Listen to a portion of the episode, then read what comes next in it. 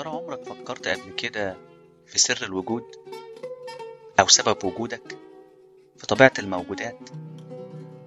أو يمكن تكون فكرت في معنى الأخلاق ليه في جمال ليه في قبح خير شر وعدل؟ يا ترى في معنى للقيم من غير البشر؟ وأكيد سألت نفسك قبل كده إيه معنى الحياة؟ كل أسبوع هنناقش فكرة أو سؤال من الأسئلة اللي حيرت الفلاسفة على مر العصور من أفلاطون لابن رشد لديكارت. هنتكلم عن المعرفة الوعي الأنا الأخلاق المعتقد والإيمان العدالة المنطق الشك العلم والجمال. هنسافر عبر الزمان والمكان من فلاسفة الإغريق لآباء المتكلمين العرب لرواد الفلسفة الغربية الحديثة في حلقات قصيرة بلهجة مصرية بسيطة. معكم أحمد الملط للفلسفة والمتفلسفين. أهلا بيكم في كلام فلسفة. الحلقة التسعة والخمسين. المغالطات المنطقية الجزء الأول. Logical Fallacies 1 تنبيه. تحتوي الحلقة على مقتطفات من خطابات بعض السياسيين والشخصيات العامة. الهدف منها توضيح المغالطات المنطقية بإلقاء الضوء على أمثلة من الحياة اليومية.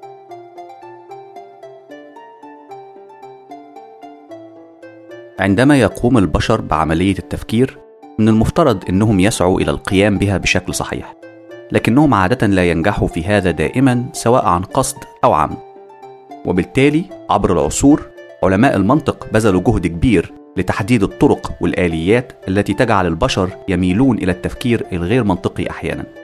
مثلا إن لم يقدم الفرد مقدمات تدعم نتيجة الحجة تعد هذه أحد صور التفكير الغير منطقي. والتفكير والجدليات من هذا النوع يطلق عليها المنطق الخاطئ fallacious أو المغالط. إذا بشكل عام أي خطأ في المنطق هو مغالطة fallacy. وبالمثل يمكن أحيانا وصف أي فكرة خاطئة أو معتقد خاطئ بأنها مغالطة. لكن علماء المنطق في الواقع يستخدموا هذا الاصطلاح بشكل أكثر تحديدا من مجرد الإشارة إلى أي خطأ في التفكير. هناك فئات وأنواع معينة من الأخطاء في التفكير والجدال. هذه الأخطاء تظهر نمط باترن أو صورة محددة من الممكن الإشارة إليها. أحد آباء المنطق الحديث الفيلسوف الألماني جوتلب فريدجا أشار إلى أن أحد مهام علماء المنطق هي تحديد الصعوبات التي تضعها اللغة في طريق المفكر. إذا كل مغالطة هي نوع من الجدال الخاطئ، والحجج التي تظهر هذا النوع الخاطئ من الجدال أو النمط المغالطات يقال إنها ارتكبت مغالطة. وعادة ما يشار إلى تلك الحجة التي تمثل أو ينطبق عليها نمط الجدال الخاطئ بتعبير مغالطة fallacy على سبيل المثال لو قلنا إن الشيوعيين يعتنقون مبادئ اشتراكية وانطلقنا من هذا إلى أن الرئيس المصري الراحل جمال عبد الناصر اعتنق وطبق مبادئ اشتراكية في مصر بعد التحول من نظام الحكم الملكي إلى نظام الحكم الجمهوري في جمهورية مصر العربية. حقيقة لا شك فيها. إذا عبد الناصر شيوعي. هذا يعد نوع من الجدال الخاطئ أو المغالطة. من الجائز أن عبد الناصر يكون فعلا كان شيوعي لكن هذه الحقيقة لا تتبع من أطروحة أنه اعتنق مبادئ اشتراكية. الأمر اللي حدث بالفعل. هذا المنطق الخاطئ بيعد مغالطة. ونمطه هو لو كل سين هو صاد لا يتبع من هذا أن لابد أن كل صاد يكون سين. مثلا لو كل الكلاب من الثدييات لا يتبع من هذا أن كل الثدييات كلاب. بنفس الصورة كل الشيوعيين اشتراكيين.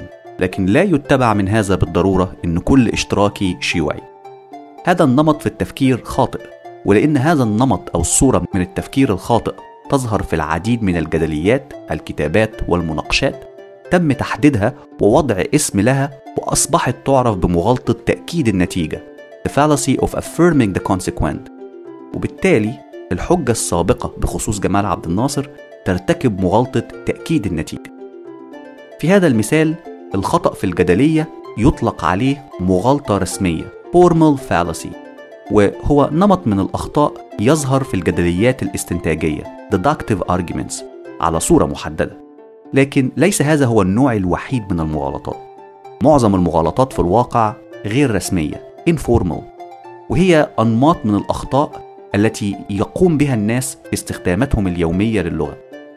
المغالطات الغير رسمية تظهر نتيجة الارتباك والتخبط في استخدام محتوى اللغة. وبما أن تنويعات وصور المحتوى اللغوي كثيرة ومتعددة بالتالي يصبح من الصعب التعرف على المغالطات الغير رسمية وتحديدها مقارنة بالمغالطات الرسمية. أي أن اللغة هي التي تخدعنا في تلك الحالة وتضفي صورة ممكنة من الاستدلال بالانتقال من مقدمات ما إلى نتائج معينة. لكنها صورة خادعة. أو منزلق فكري لغوي. هذه المنزلقات من الممكن تجنبها لو استطعنا فهم الأنماط أو الصور التي تكون عليها. وبالتالي سنركز في مناقشتنا على محاولة لحصر وتحديد تلك الأنماط اللغوية في المغالطات الغير رسمية. لكن لابد أن نكون حذرين جدا في مسعانا هذا لأن اللغة غير دقيقة وملتبسة كما رأينا سابقا. ارجع لحلقة المعنى والمنطق. لابد أن نبدأ بعدم صنع المغالطات أنفسنا عند الجدال ضد الجدليات الخاطئة وأن لا نتهم الجدليات بأنها مغالطات غير رسمية دون تدقيق في المصطلحات والتركيبات اللغوية المستخدمة أي إن عند سعينا لتحديد الأنماط والأخطاء في اللغة المنطوقة والمكتوبة يجب فهم نوع اللغة المستخدمة ويجب أن تكون معاييرنا المنطقية عالية ومنضبطة. ولكن يجب أيضا أن يكون تطبيقنا لتلك المعايير على الحجج في الحياة العادية عادل ومتفهم للمنظومة الفكرية الشاملة لطارح الحجة. المغالطات المنطقية الغير رسمية informal fallacies كثيرة ومتعددة الصور. وبالتالي مهمة استيعابها شاقة بدون تقسيمها وجمعها تحت مجموعة من الفئات تميز خواصها وتوضح الفروق بينها. تقسيم المغالطات الغير رسمية أمر مختلف عليه داخل رواقات علم المنطق بين المنطقيين. وهناك أحزاب وفرق متعددة تبنت صور وتصنيفات متباينة للمغالطات المتعددة. حتى قوائم تلك المغالطات تباينت بشكل واسع بين المنطقيين. كل مجموعة وضعت مجموعات من قوائم المغالطات المختلفة وأعطت تلك القوائم أسماء محددة وكذلك المغالطات نفسها. أي تصنيف محكوم عليه من البداية أن يكون ذاتي وكيفي وبالتالي هذا الخلاف خارج دايرة دراستنا ومتروك بدرجة كبيرة للباحثين المتعمقين في المجال. والهدف من مناقشتنا سيركز بالدرجة الأولى على حصر أكبر عدد ممكن من المغالطات المنطقية الغير رسمية وتبني أحد التصنيفات لتوضيح سماتها والفروق ما بينها. لكني أردت لفت انتباهك إنك لو قرأت أو درست المغالطات الغير رسمية بصورة مختلفة أو تصنيفات أخرى هذه أحد الآثار الجانبية للخلاف التصنيفي الدائر داخل علم المنطق. لكن الأفكار ما زالت متشابهة بدرجة كبيرة. على أي حال التصنيف الذي سنتبناه كالآتي. الفئة الأولى مغالطات الارتباط fallacies of relevance وهي الفئة الأكثر شيوعا من المغالطات. في هذا النوع من المغالطات ببساطة مقدمات الحجة ليست على صلة أو ارتباط بالنتيجة لكنها عادة ما تصاغ بصورة خادعة تضفي عليها صفة الارتباط ما بين المقدمات والنتيجة. الفئة الثانية مغالطات الحث الضعيف fallacies of weak induction. وهي أيضا فئة شائعة من المغالطات الغير رسمية. والإشكالية المنطقية في هذه الصورة من الجدال هو إن بالرغم من ارتباط المقدمات بالنتيجة إلا إن هذا الارتباط المنطقي ضعيف وغير فعال في دعم النتيجة. الفئة الثالثة مغالطات الافتراض fallacies of presumption في هذه الفئة من المغالطات مساحة الافتراضات واسعة جدا في المقدمات وغير مؤكدة. وبالتالي النتيجة المستدل عليها تعتمد بشكل خاطئ على افتراضات غير مضمونة الفئة الرابعة والأخيرة مغالطات غموض اللغة fallacies of ambiguity الإشكالية الجوهرية في مغالطات الغموض تظهر نتيجة الاستخدام المركب للكلمات والعبارات. كلمة ما قد تستخدم بصورة ما في جزء من الحجة لتعني شيء ما مختلف عن استخدام نفس الكلمة في جزء آخر من الحجة، وبالتالي يحدث نوع من الغموض والالتباس داخل الحجة. مغالطات الارتباط. Fallacies of relevance. هذه هي الفئة الأكثر شيوعا من المغالطات الغير رسمية وأكثرها فداحة. والبعض يطلق عليها مغالطات عدم الصلة irrelevance لأنها تنشأ في الجدليات التي لا يوجد فيها اتصال ما بين المقدمات والنتيجة. ولأنه لا يوجد اتصال ما بين المقدمات والنتيجة لا يمكن الاعتماد على المقدمات كقاعدة للاستدلال على حقيقة النتيجة. لكن بكل تأكيد من الجائز أن المقدمات تقدم صورة من الارتباط النفسي والسيكولوجي يؤسس لتصرفات تؤدي لقبول الحجة عند البعض. بصورة أبسط الإشكالية تظهر عندما تستخدم الجوانب العاطفية للغة لدعم حقيقة ادعاء ما دون إعطاء أسباب موضوعية حقيقية. هنتعرض لعدة صور من مغالطات الارتباط. من المهم الإشارة أني سأستخدم كل من اسم الحجة المتعارف عليها بكل من اللغة الإنجليزية واللاتينية لأن بعض المصادر الكلاسيكية قد تستخدم المصطلحات اللاتينية للإشارة لاسم الحجة. التوسل بالأكثرية. The appeal to the populace. Argumentum ad populum. تقريبا كلنا نسعى لحب دعم وتقدير الآخرين. التوسل للجموع نمط من المغالطات المنطقية يتغذى على تلك المشاعر. الرغبة في قبول المتلقي لنتيجة الحجة. عادة يوجد طريقتين أساسيتين للتوسل بالأكثرية. طرق مباشرة وأخرى غير مباشرة.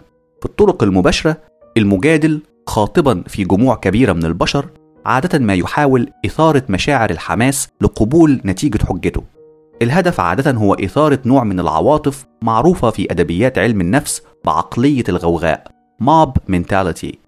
هذه الاستراتيجية تقريبا الطريقة الرئيسية التي يعتمد عليها الدغمائية الإعلاميون قادة المديرين والسياسيين. أدولف هتلر كان خبير في هذه الاستراتيجية وخطاباته في الشعب الألماني أمثلة كلاسيكية على مغالطة التوسل بالأكثرية خلال فترة الحقبة النازية. لكن الطريقة شائعة ورائجة وتطورت بشكل كبير بين السياسيين والقادة بمختلف توجهاتهم السياسية وخلفياتهم التنفيذية سواء كانت ديمقراطية أو ديكتاتورية. وأصبحت حتى طريقة شائعة في خطاب الأحزاب السياسية للجماهير استخدام الأدوات المساعدة كالموسيقى، الأغاني، الحشود والعروض العسكرية وغيرها يساعد أكثر في إثارة الحماس وعادة ما يكون تأثيره شديد الإيجابية.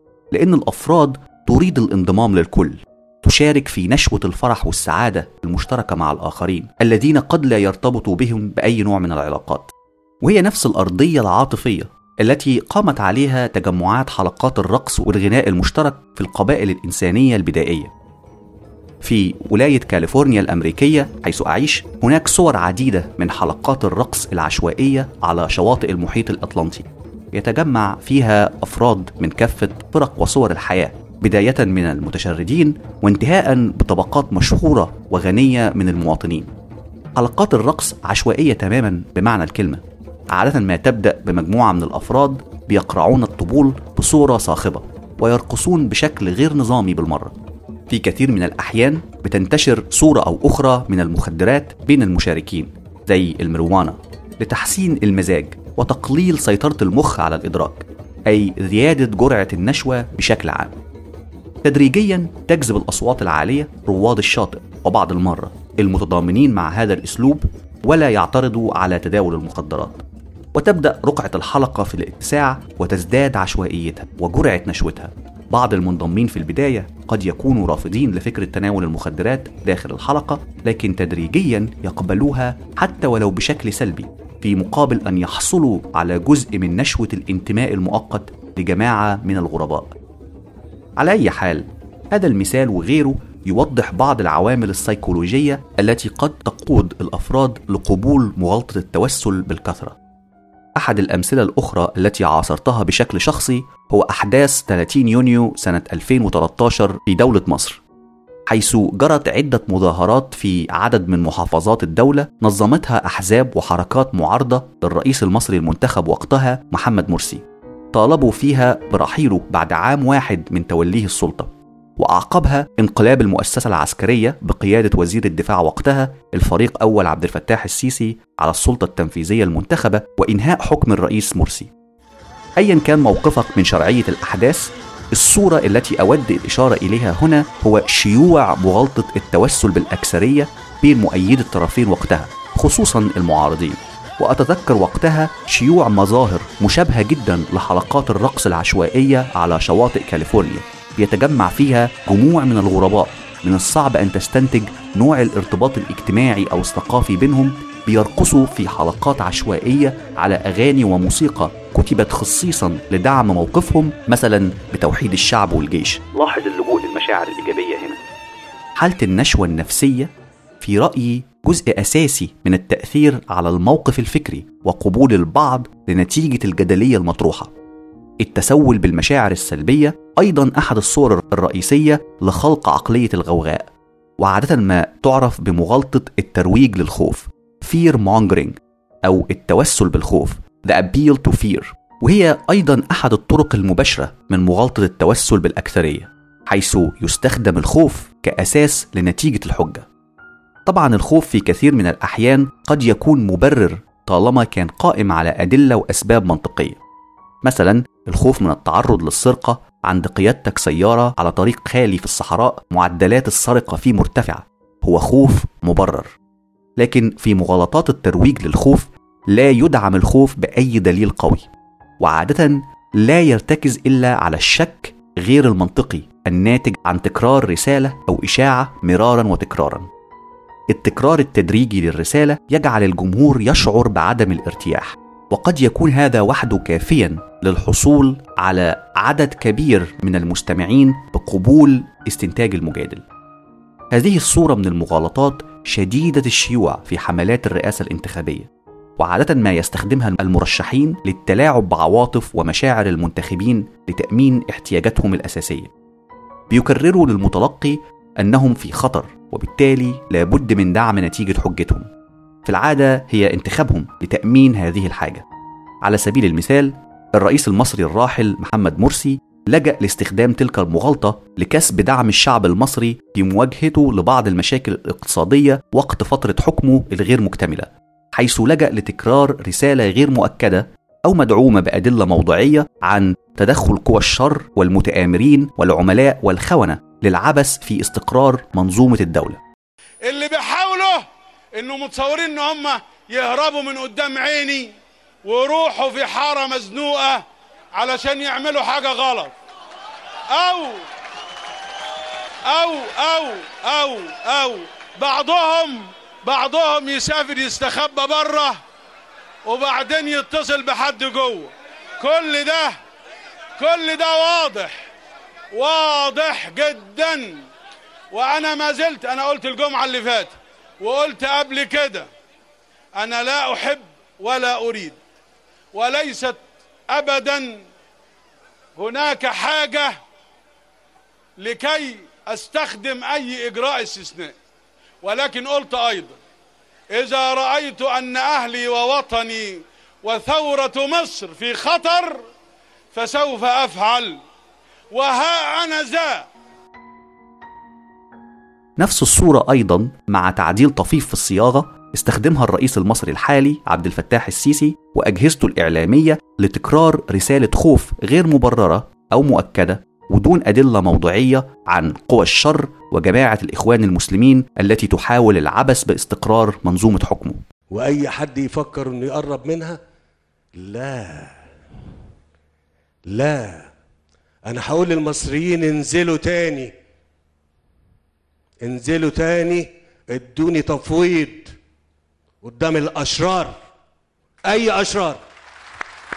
هقول للمصريين تاني. تاني لو الأمر استمر كده وحد فكر إنه يلعب في مصر وأمنها هطلب منكم أنا ما طلبتش عشان بس ما تتعذبوش. هطلب منكم تفويض تاني لأن هيبقى في إجراءات أخرى ضد أي حد يعتقد انه ممكن يعبث بأمنها وإحنا موجودين. أنا ما بخافش غير من ربنا. ما بخافش غير من ربنا. وعليها هي بس. عادة الإطار العام في تلك الخطابات هو التأكيد على تكرارية بس رسالة الخوف والذعر من فئة أو جماعة ما دون تقديم أدلة موضوعية واضحة ومحددة تربط أفعال معينة بأحداث محددة. والهدف بالطبع دعم نتائج المجادل أيا كانت. على سبيل المثال الخوف المبرر من القيادة على طريق سريع عرفت عنه السرقة تتوفر فيه الأدلة الموضوعية لنتيجة الحجة. واحد الطريق السريع س حدثت به صاد من حوادث السرقة في الفترة الزمنية نون بمعدل ميم واحد حادثة في الشهر.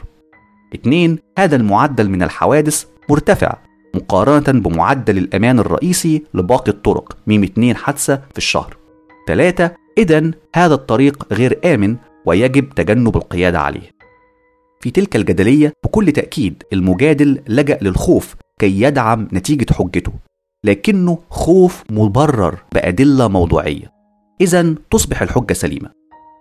في الطريقة الغير مباشرة من مغالطة التوسل بالكسرة المجادل يلجأ لتوجيه الالتماس إلى فرد أو مجموعة من الأفراد داخل الجماعة بدلا من الجماعة في مجملها محاولا التركيز على عنصر ما في تلك المجموعة وعلاقته بالجماعة ككل. هذا الأسلوب به درجة كبيرة من التشابه مع نوع آخر من المغالطات بيطلق عليه حجة العربة الموسيقية bandwagon argument أو الصور العديدة المشابهة لها كالتوسل بالتقاليد appeal to the tradition أو التوسل بالغرور appeal to snobbery إلى آخره. المرشحون قديما كانوا بيستقلوا في حملاتهم الانتخابية عربة كبيرة تتسع لفرقة موسيقية. ويجوبون المدينة. وكان الناس بيعبروا عن تأييدهم للمرشح باعتلاء العربة ومنها نشأ اسم الحجة أي اقفز إلى العربة شارك الحشد وانضم للجماعة.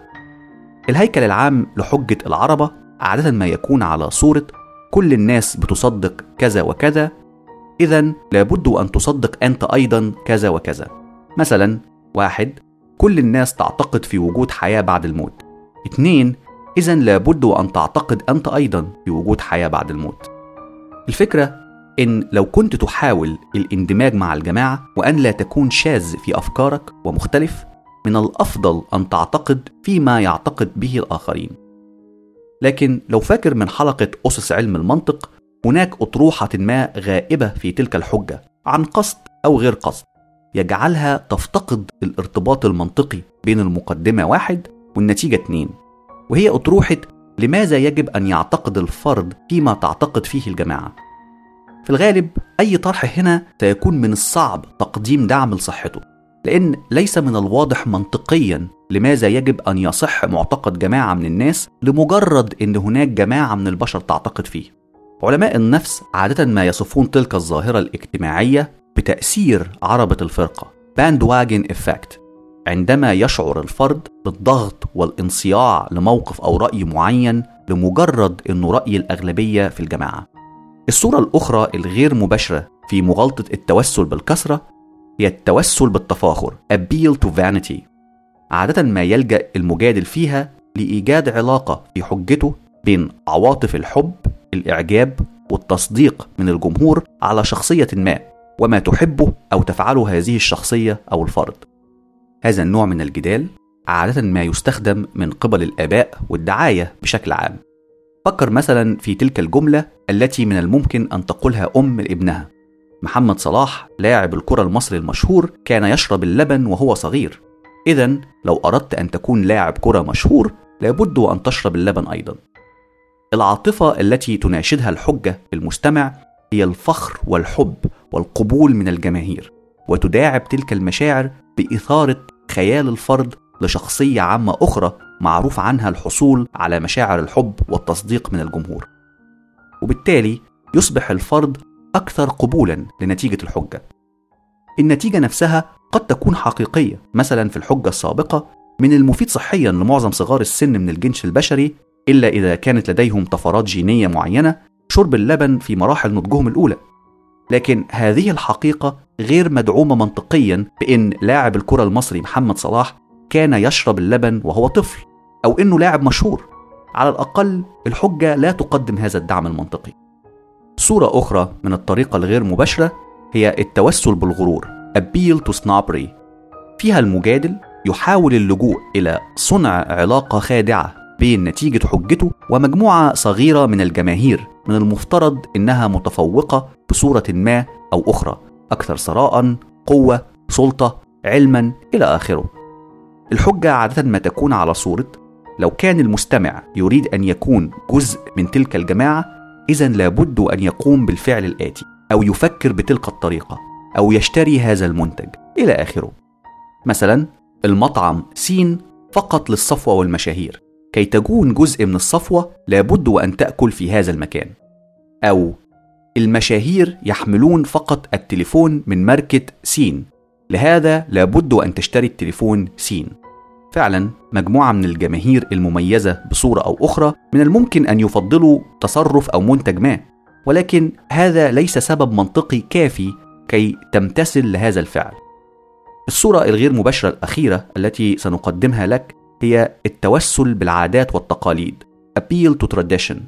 المجادل عادة ما يلجأ إلى أن شيء ما أصبح من العادات والتقاليد في مجتمع ما كي يثبت صحة نتيجة الحجة.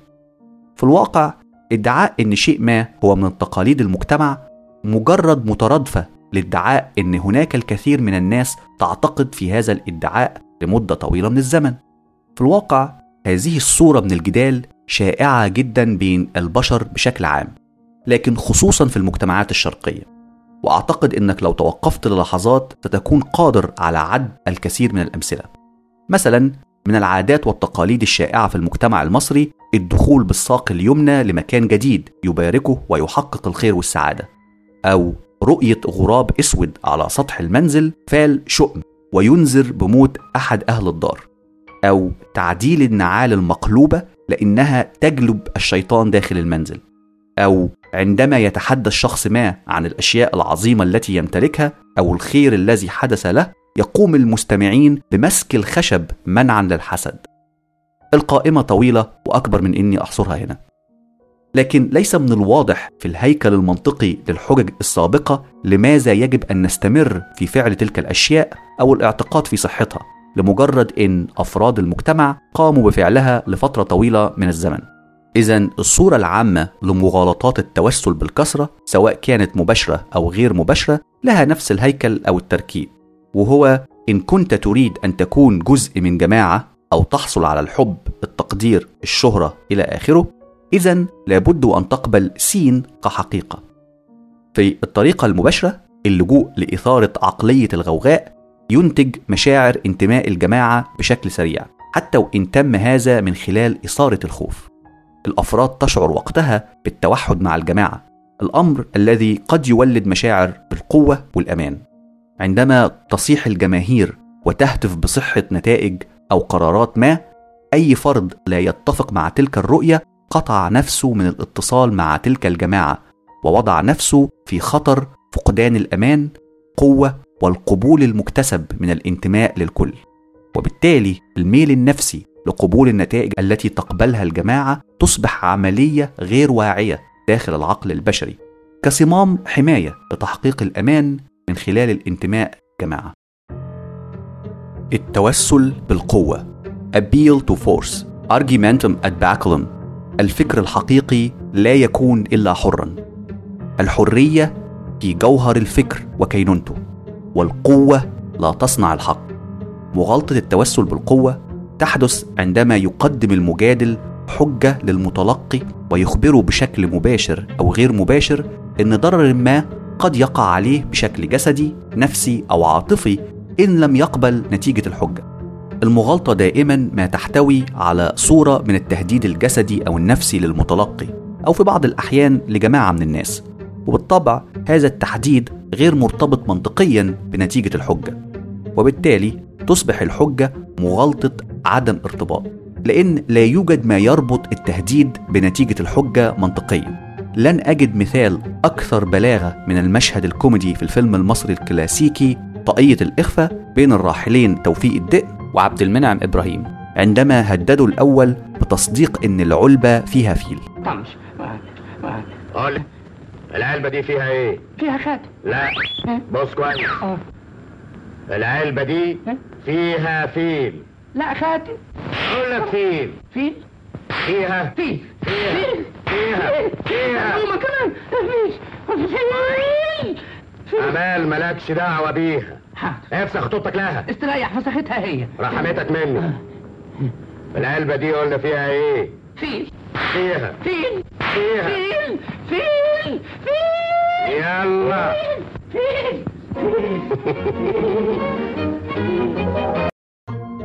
هذه الصورة من المغالطات المنطقية عادة ما يسهل التعرف عليها وتبدو بدائية وغريزية جدا بين البشر. لا أستطيع أن أحصي لك عدد المرات التي شاهدت فيها في طفولتي الأصدقاء يتعرضون للتهديد لقبول أطروحة طفل آخر. لكن المثال بالقطع يمتد على البالغين أيضا. وأعتقد أنك ستكون قادر على حصر الكثير من الأمثلة في الحياة اليومية داخل مجتمعاتنا الشرقية.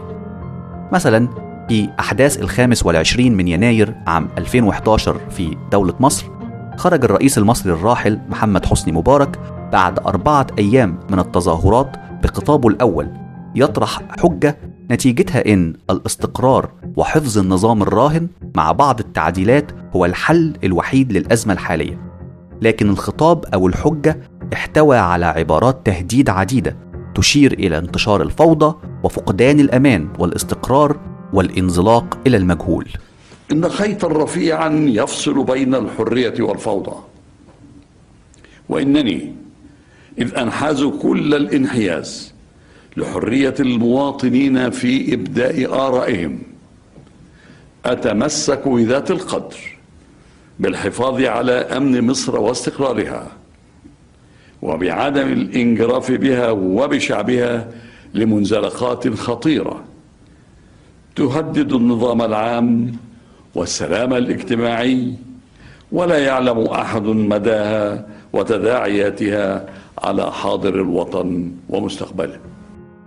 لكن ليس من الواضح منطقيا في سياق الحجة لماذا يرتبط هذا التهديد بنتيجة الحجة وهو إن أفضل الطرق لحل الأزمة الراهنة هو تجنب تغيير المنظومة الحالية وطرح بعض التعديلات فقط على طريقة عملها. على سبيل المثال لماذا لن تسبب إقالة الحكومة؟ الأمر اللي أعلنه مبارك كأحد القرارات وقتها في خطابه الفوضى المدعاة. لكن إقالة مبارك رأس النظام وقتها سيسبب الفوضى. أي إن الطرح التهديدي في الحجة لا يقدم دعم منطقي مباشر أو حتى غير مباشر لنتيجة الحجة وبالتالي تنتقل الحجة إلى تصنيف مغالطات عدم الارتباط والتوسل بالقوة. الاستراتيجية العامة التي تلجأ إليها المغالطة عادة هي إعاقة عملية التفكير والتحليل المنطقي للحجة عند المتلقي من خلال التأثير النفسي عليه بالتهديد. وبالتالي يضطر لقبول الهيكل الناقص للحجة. مثال آخر في خطاب الرئيس المصري الحالي عبد الفتاح السيسي قبيل ذكرى الخامس والعشرين من يناير وانتشار دعوات بين بعض المعارضين للخروج إلى الشوارع لإعلان الثورة والاعتراض على نظامه القائم. وقام وقتها الرئيس السيسي باستخدام لغة تهديد مباشرة في خطابه للإشارة إلى قوة بأسه وشدة حكمه وإنه رجل غير سياسي لكنه عسكري ولن يصلح معه ما قد صلح في السابق مع غيره من الرؤساء. لكن ليس من الواضح العلاقة المنطقية بين هذا التهديد والدعوات المعارضة على حكمه أو النتيجة التي سعى إليها في حجته وهي دعوة هؤلاء المعارضين بعدم الخروج إلى الشوارع أنا بقول الكلام ده لكم عشان لا مؤاخذة أنا شايف كده كلام آه، احذروا. الكلام اللي كان اتعمل من سبع ثمان سنين مش هيتكرر تاني في مصر هي مش آه، اللي ما نجحش ساعتها هتنجحوه دلوقتي. لا لا لا لا لا. ده أنتوا باين عليكم ما تعرفونيش صحيح. ما تعرفونيش صحيح. لا والله. والله أمنك واستقرارك يا مصر ثمنه حياتي أنا وحياة الجيش. محدش يفكر يا جماعة يدخل معانا في الموضوع ده لأن أنا مش سياسي. أنا مش سياسي. بتاع الكلام. الإستراتيجية العامة التي تلجأ إليها المغالطة عادة ما تكون هي إعاقة عملية التفكير والتحليل المنطقي للحجة عند المتلقي من خلال التأثير النفسي عليه بالتهديد وبالتالي يضطر لقبول الهيكل الناقص للحجة. الذي يفتقد لأطروحة ربط ما بين المقدمات والنتيجة. لأن إن وضعت الأطروحة بشكل صريح وواضح أمام المتلقي غالبا ما سيرفض صحتها. ولذلك مثلا في خطاب مبارك كان من المهم تقديم مقدمة تربط الفوضى وتداعياتها بإقالته من منصبه. ويترك عملية تقييم حقيقة تلك الأطروحة للمتلقي بدلا من أن يشير إلى العواقب الغير مرغوب فيها. أو في خطاب السيسي كان من المهم تقديم مقدمة تبرر لماذا لابد أن يستمر في منصبه وإن خروج الجماهير للاعتراض عليه ليست الطريقة المثلى للتعبير عن آرائهم أو تغيير الوضع القائم بدلا من استخدام اللغة التهديدية التي لجأ إليها. التوسل بالشفقة Appeal to pity Argumentium ad misericordium على النقيض من التوسل بالقوة مغالطة التوسل بالشفقة أو استدرار العطف تحدث عندما يقوم المجادل بمحاولة دعم نتيجة حجته من خلال إثارة عطف وشفقة المستمع. هذه الشفقة قد تكون موجهة نحو المجادل نفسه أو جهة أو حزب آخر. مرة أخرى، هذه الصورة من مغالطات عدم الارتباط شائعة جدا وغريزية عند البشر، وتستطيع رصدها في أكثر الصور بساطة من الجماعات البشرية، مثل الأطفال. أتذكر مثلا في أيام طفولتي محاولة صديق إقناعي بمساعدته على الغش في أحد الامتحانات لأنه مريض بمرض مزمن. العلاقة غير واضحة لماذا الغش مقبول في تلك الحالة إذا كان الطفل لديه مرض مزمن. لكن الاستراتيجية عادة ما تكون فعالة لأنها تشل عملية التفكير المنطقي عند المتلقي وتؤثر على الجانب النفسي لديه. هذه الصورة من المغالطات شائعة جدا في المحاكم أحد الطرق الأساسية التي قد يستخدمها المحامين للدفاع عن موكليهم أمام القضاة. من المهم الإشارة لأن بعض الحجج التي تثير التعاطف ومشاعر المتلقي ليست بالضرورة مغالطة، وقد نطلق عليها في تلك الحالة حجج الرحمة arguments from compassion لأن هذه الصورة من الحجج عادة ما توضح الانتقال من عاطفة التعاطف للسبب المنطقي الذي يدعو لقبول أطروحة الشفقة تدعم النتيجة وإن لابد وأن نقبل عدم مسؤولية الفرد عن تلك النتيجة. مثلا في بعض الأحيان قد نستخدم الظروف الاجتماعية لأفراد ما لتبرير نتيجة بعض أفعالهم الغير قانونية تحت وطأة الحاجة للنجاة أو الحياة. اللص الذي يسرق الخبز كي يسد رمقه مثلا أو الأب الذي يتهرب من دفع الضرائب ليوفر احتياجات أسرته الأساسية. إلى آخره. لكن على النقيض مغالطات التوسل بالشفقة تتجاهل هذا الارتباط المنطقي بين الشفقة المطروحة وعلاقتها بنتيجة الحجة. وتسعى فقط لإثارة العاطفة لدى المستمع لشل عملية التحليل المنطقي للحجة. المثال الأخير الذي سأطرحه عليك لتوضيح مغالطة التوسل بالشفقة هو أيضا من حوليات أحداث 25 يناير عام 2011 في دولة مصر. الخطاب الثاني الذي وجهه الرئيس المصري الراحل محمد حسني مبارك وقتها. نتيجته كانت مقتضاها عدم ترشحه لفترة رئاسية جديدة وتعديله لبعض المواد الدستورية لكن عدم رحيله عن السلطة مباشرة كما طالبت العديد من القوى الثائرة وقتها. في نص خطابه الثاني استخدم مبارك لغة عاطفية. واستراتيجية لضر الشفقة والتعاطف تعد أحد النماذج القياسية على مغالطة التوسل بالشفقة. لأنه ليس من الواضح ما هي العلاقة المنطقية بين تلك الأطروحات العاطفية في نص الخطاب وبين نتيجة الحجة وهي عدم تنازله عن السلطة. إنني لم أكن يوما طالب سلطة أو جاه ويعلم الشعب الظروف العصيبة التي تحملت فيها المسؤولية وما قدمته للوطن حربا وسلاما. كما أنني رجل من أبناء قواتنا المسلحة وليس من طبعي خيانة الأمانة أو التخلي عن الواجب والمسؤولية. إن حسني مبارك الذي يتحدث إليكم اليوم يعتز بما قضاه من سنين طويلة في خدمة مصر وشعبها. إن هذا الوطن العزيز هو وطني. مثلما هو وطن كل مصري ومصرية. فيه عشت وحاربت من أجله ودافعت عن أرضه وسيادته ومصالحه وعلى أرضه أموت وسيحكم التاريخ علي وعلى غيري بما لنا أو علينا. إن الوطن باق والأشخاص زائلون. نص الخطاب متاح على العديد من المنصات الإلكترونية. أنصحك بقراءته مرة أخرى ومحاولة إيجاد الارتباط المنطقي بين أطروحات الشفقة في الخطاب ونتيجة الخطاب. سواء اتفقت أو اختلفت مع مبارك أو نتيجة الأحداث الاستراتيجية كانت فعالة جدا.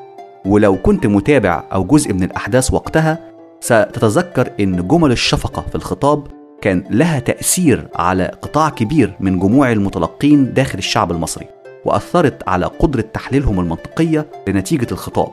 وفي كثير من الأحيان ساعدت في تحول البعض لقبول عدم تنازل مبارك عن السلطة فقط تحت مبرر الشفقة والتعاطف. الأمر الذي في رأيي يعد أحد أنجح تطبيقات المغالطة على نطاق شعبي واسع في العصر الحديث.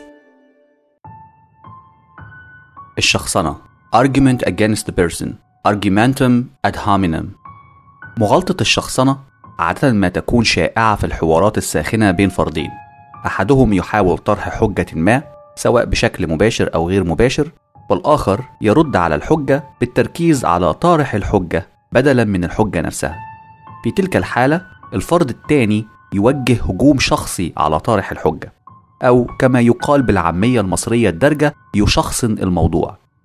المغالطة من الممكن أن تحدث في ثلاث صور رئيسية. واحد شخصنة مسيئة السب ad hominem abusive اللي واضح من اسمها إن المشخصن يوجه هجوم مسيء لشخص طارح الحجة. في الحقيقة هذه الصورة من المغالطات المنطقية شائعة جدا في وسائل الإعلام الغير مهني الموجود بكثرة في معظم دول العالم لكنه ينتشر بصورة أكثر في الدول اللي أنظمة الحكم فيها شمولية ديكتاتورية. أدوات الإعلام عادة ما تشن هجوم مباشر على طارح الحجة وتجرح في شخصه دون أي علاقة بالحجة أو الطرح الذي يقدمه المجادل. أعتقد مش محتاج أطرح عليك أمثلة في تلك الحالة. لو تأملت اللحظات ستجد عشرات بل مئات الأمثلة تقريبا بشكل يومي في مختلف وسائل الإعلام العربية للأسف. المشخصن عادة ما يتجاهل مادة الحجة المطروحة وبدلا من هذا يهاجم طارح الحجة. مثلا فكر في الجملة دي. هذا الشخص يشكك في وطنية الجيش ومشروعية تدخل الجيش في الحياة الميدانية. لكن هذا الكلام لا يصدر إلا عن شخص خائن وعميل. أرجو أن الفكرة تكون واضحة. بتبسيط غير مخل أعتقد من الملائم أن نقول عند الاستماع إلى أو قراءة نقد حجة ما يحتوي على سمات أو خواص لطارح الحجة سواء كانت سلبية أو إيجابية من الصحي جدا أن نشك في معقولية الحجة ونفحصها عن قرب بالتأكد إنها ليست محاولة للشخصنة. أحد الصور الشائعة للشخصنة المسيئة تحدث أيضا عندما تحتوي المغالطة على دعوى المجادل لتحويل اتجاه مكان دين حزب طارح الحجة أو جمل من الجدال على صورة هذا هو المتاح أو بالمصري لو مش عاجبك اشرب من البحر مثلا كان من الشائع جدا في بعض وسائل الإعلام المصري بعد انتزاع الفريق أول عبد الفتاح السيسي الرئيس المصري الحالي لدولة مصر السلطة من الرئيس المنتخب محمد مرسي بناء على دعوات من بعض فصائل الشعب أن نسمع جمل للرد على المعترضين على بعض الأوضاع والسياسات بشكل عام أو خاص على شاكلة لو مش عاجبك امشي قاعد في البلد ليه؟ الصورة التانية الشخصنة الظرفية ad hominem circumstantial. عادة ما تكون على نفس صورة الشخصنة المسيئة لكن بدلا من الهجوم على صاحب الحجة عادة ما يحاول المهاجم تشويه حجة الخصم من خلال الإشارة إلى ظروف معينة تؤثر على الخصم. الاستراتيجية هنا محاولة الإشارة إلى أن حجة الفرد معيبة نظرا لظروف معينة تعرض لها الفرد وبالتالي لا يجب أن تؤخذ حجته بمحمل الجد. مثلا قبل أحداث ال 25 من يناير سنة 2011 في دولة مصر الدبلوماسي والسياسي المصري دكتور محمد البرادعي الحاصل على جائزة نوبل للسلام سنة 2005 أثناء عمله كمدير الوكالة الدولية للطاقة الذرية بدأ يطرح عدة دعوات من خارج مصر لتحريك الماء السياسي والاجتماعي الراكد في مصر وجادل أن الأوضاع السياسية والاجتماعية وقتها ستقود المجتمع إلى نهاية محتومة وهي الانفجار. أحد صور الشخصنة الرائجة على تلك الحجة وقتها وعموم أطروحات البرادعي هي الإشارة إلى خلفيته. مثلا إنه بيعيش خارج مصر غير مدرك لطبيعة حياة المصريين والإقتصاد المصري. أو إن من السهل لأي فرد إطلاق مثل تلك الدعاوى إن كان النظام غير قادر على الوصول إليه وغيرها من الأمثلة. دكتور محمد البرادعي راجل محترم. وراجل ممتاز الحقيقة. وأنا بحبه. ولكن أنا عايز أسأله سؤال. هو يعرف إذا كانت الست في الفلاحين بتزغط ذكر البط؟ وبتزغط وبتزغط ذكر الوز ولا لا؟ طب بتزغطه إزاي؟ إذا عرف بتزغطه إزاي؟ ننتخب رئيس جمهورية. إيه اللي هيحصل يعني؟ كل هذه الدعوات هي نوع من مغالطة الشخصنة لأنها تشير إلى ظروف معينة ارتبطت بشخصية صاحب الحجة وتجاهلت جوهر الحجة نفسه. حقيقة إن البرادعي يعيش خارج دولة مصر لا تقدم أي جديد حول حقيقة نتيجة حجته. لو كانت الحجة خاطئة نثبت هذا من خلال طرق التحليل المنطقي السليمة دون الحاجة لشخصنة الحجة بالإشارة إلى ظروف المجادل بهدف أن لا يأخذ المتلقي الحجة بجدية كافية. على أي حال، الشخصنة الظرفية من السهل التعرف عليها، لأنها عادة ما تأخذ صورة بالطبع السيد سين يجادل بتلك الطريقة، انظر للظروف التي دفعته لهذا. الصورة الثالثة من الشخصنة هي شخصنة مذنب بالتبعية أو أنت أيضا ذات كوكي أو مغالطة وأنت كذلك. هدف المهاجم في تلك الصورة من مغالطات الشخصنة عادة هو مهاجمة شخص المجادل من خلال إثبات أنه يجادل من منطلق النفاق أو الجدال بسوء النية. ويتحقق ذلك عن طريق الإشارة إلى تصرفات أو أفعال يقوم بها المجادل تتناقض مع نتيجة حجته. المغالطة عادة ما تكون على صورة كيف تجرؤ على إخباري على التوقف عن فعل سين وأنت أيضا تقوم بنفس الفعل سين. هذه المغالطة شائعة وغريزية جدا ومن الممكن رصدها في أبسط صور التفاعل البشري بين الأطفال وأحد أكثر اعتراضات الأبناء الرئيسية على نصائح الآباء وأحد صور الخلافات الشائعة بين الأزواج والزوجات لأن المهاجم عادة ما يشعر بأنه مبرر في طرح هذا النقد الذي قد يكون فعلا حقيقيا أي أن صاحب الحجة قد ينصح بالقيام بفعل ما هو نفسه لا يقوم به أو العكس لكن هذه الحقيقة غير مرتبطة بصحة أو حقيقة نتيجة حجته وبالتالي تصبح مغالطة عدم ارتباط. هل معنى هذا أن من غير الجائز أن نصيغ أي صورة من الحجج حول خصائص وسمات فرد ما؟ بالطبع لا. ده أمر جائز ومشروع جدا طالما أن نتيجته مرتبطة بسياق الموضوع أو الحجة المطروحة. على سبيل المثال قد نجادل أن الرئيس العراقي السابق صدام حسين كان ديكتاتور قاتل وقام بعمليات إبادة عرقية منظمة تجاه بعض جماعات الأقليات في العراق مثل الأكراد وفرض قهر وتعذيب لسنوات طويلة على شعبه وأشعل حروب بشعة مع الدول والشعوب المجاورة لذا هو إنسان حقير ومثير للإشمئزاز. في الحقيقة الحجة هنا ليست مغالطة لأن المقدمات متصلة بالنتيجة وبالتالي من الممكن تحليلها منطقيا لإثبات إن كانت المقدمات حقيقية بالتبعية هل النتيجة حقيقية.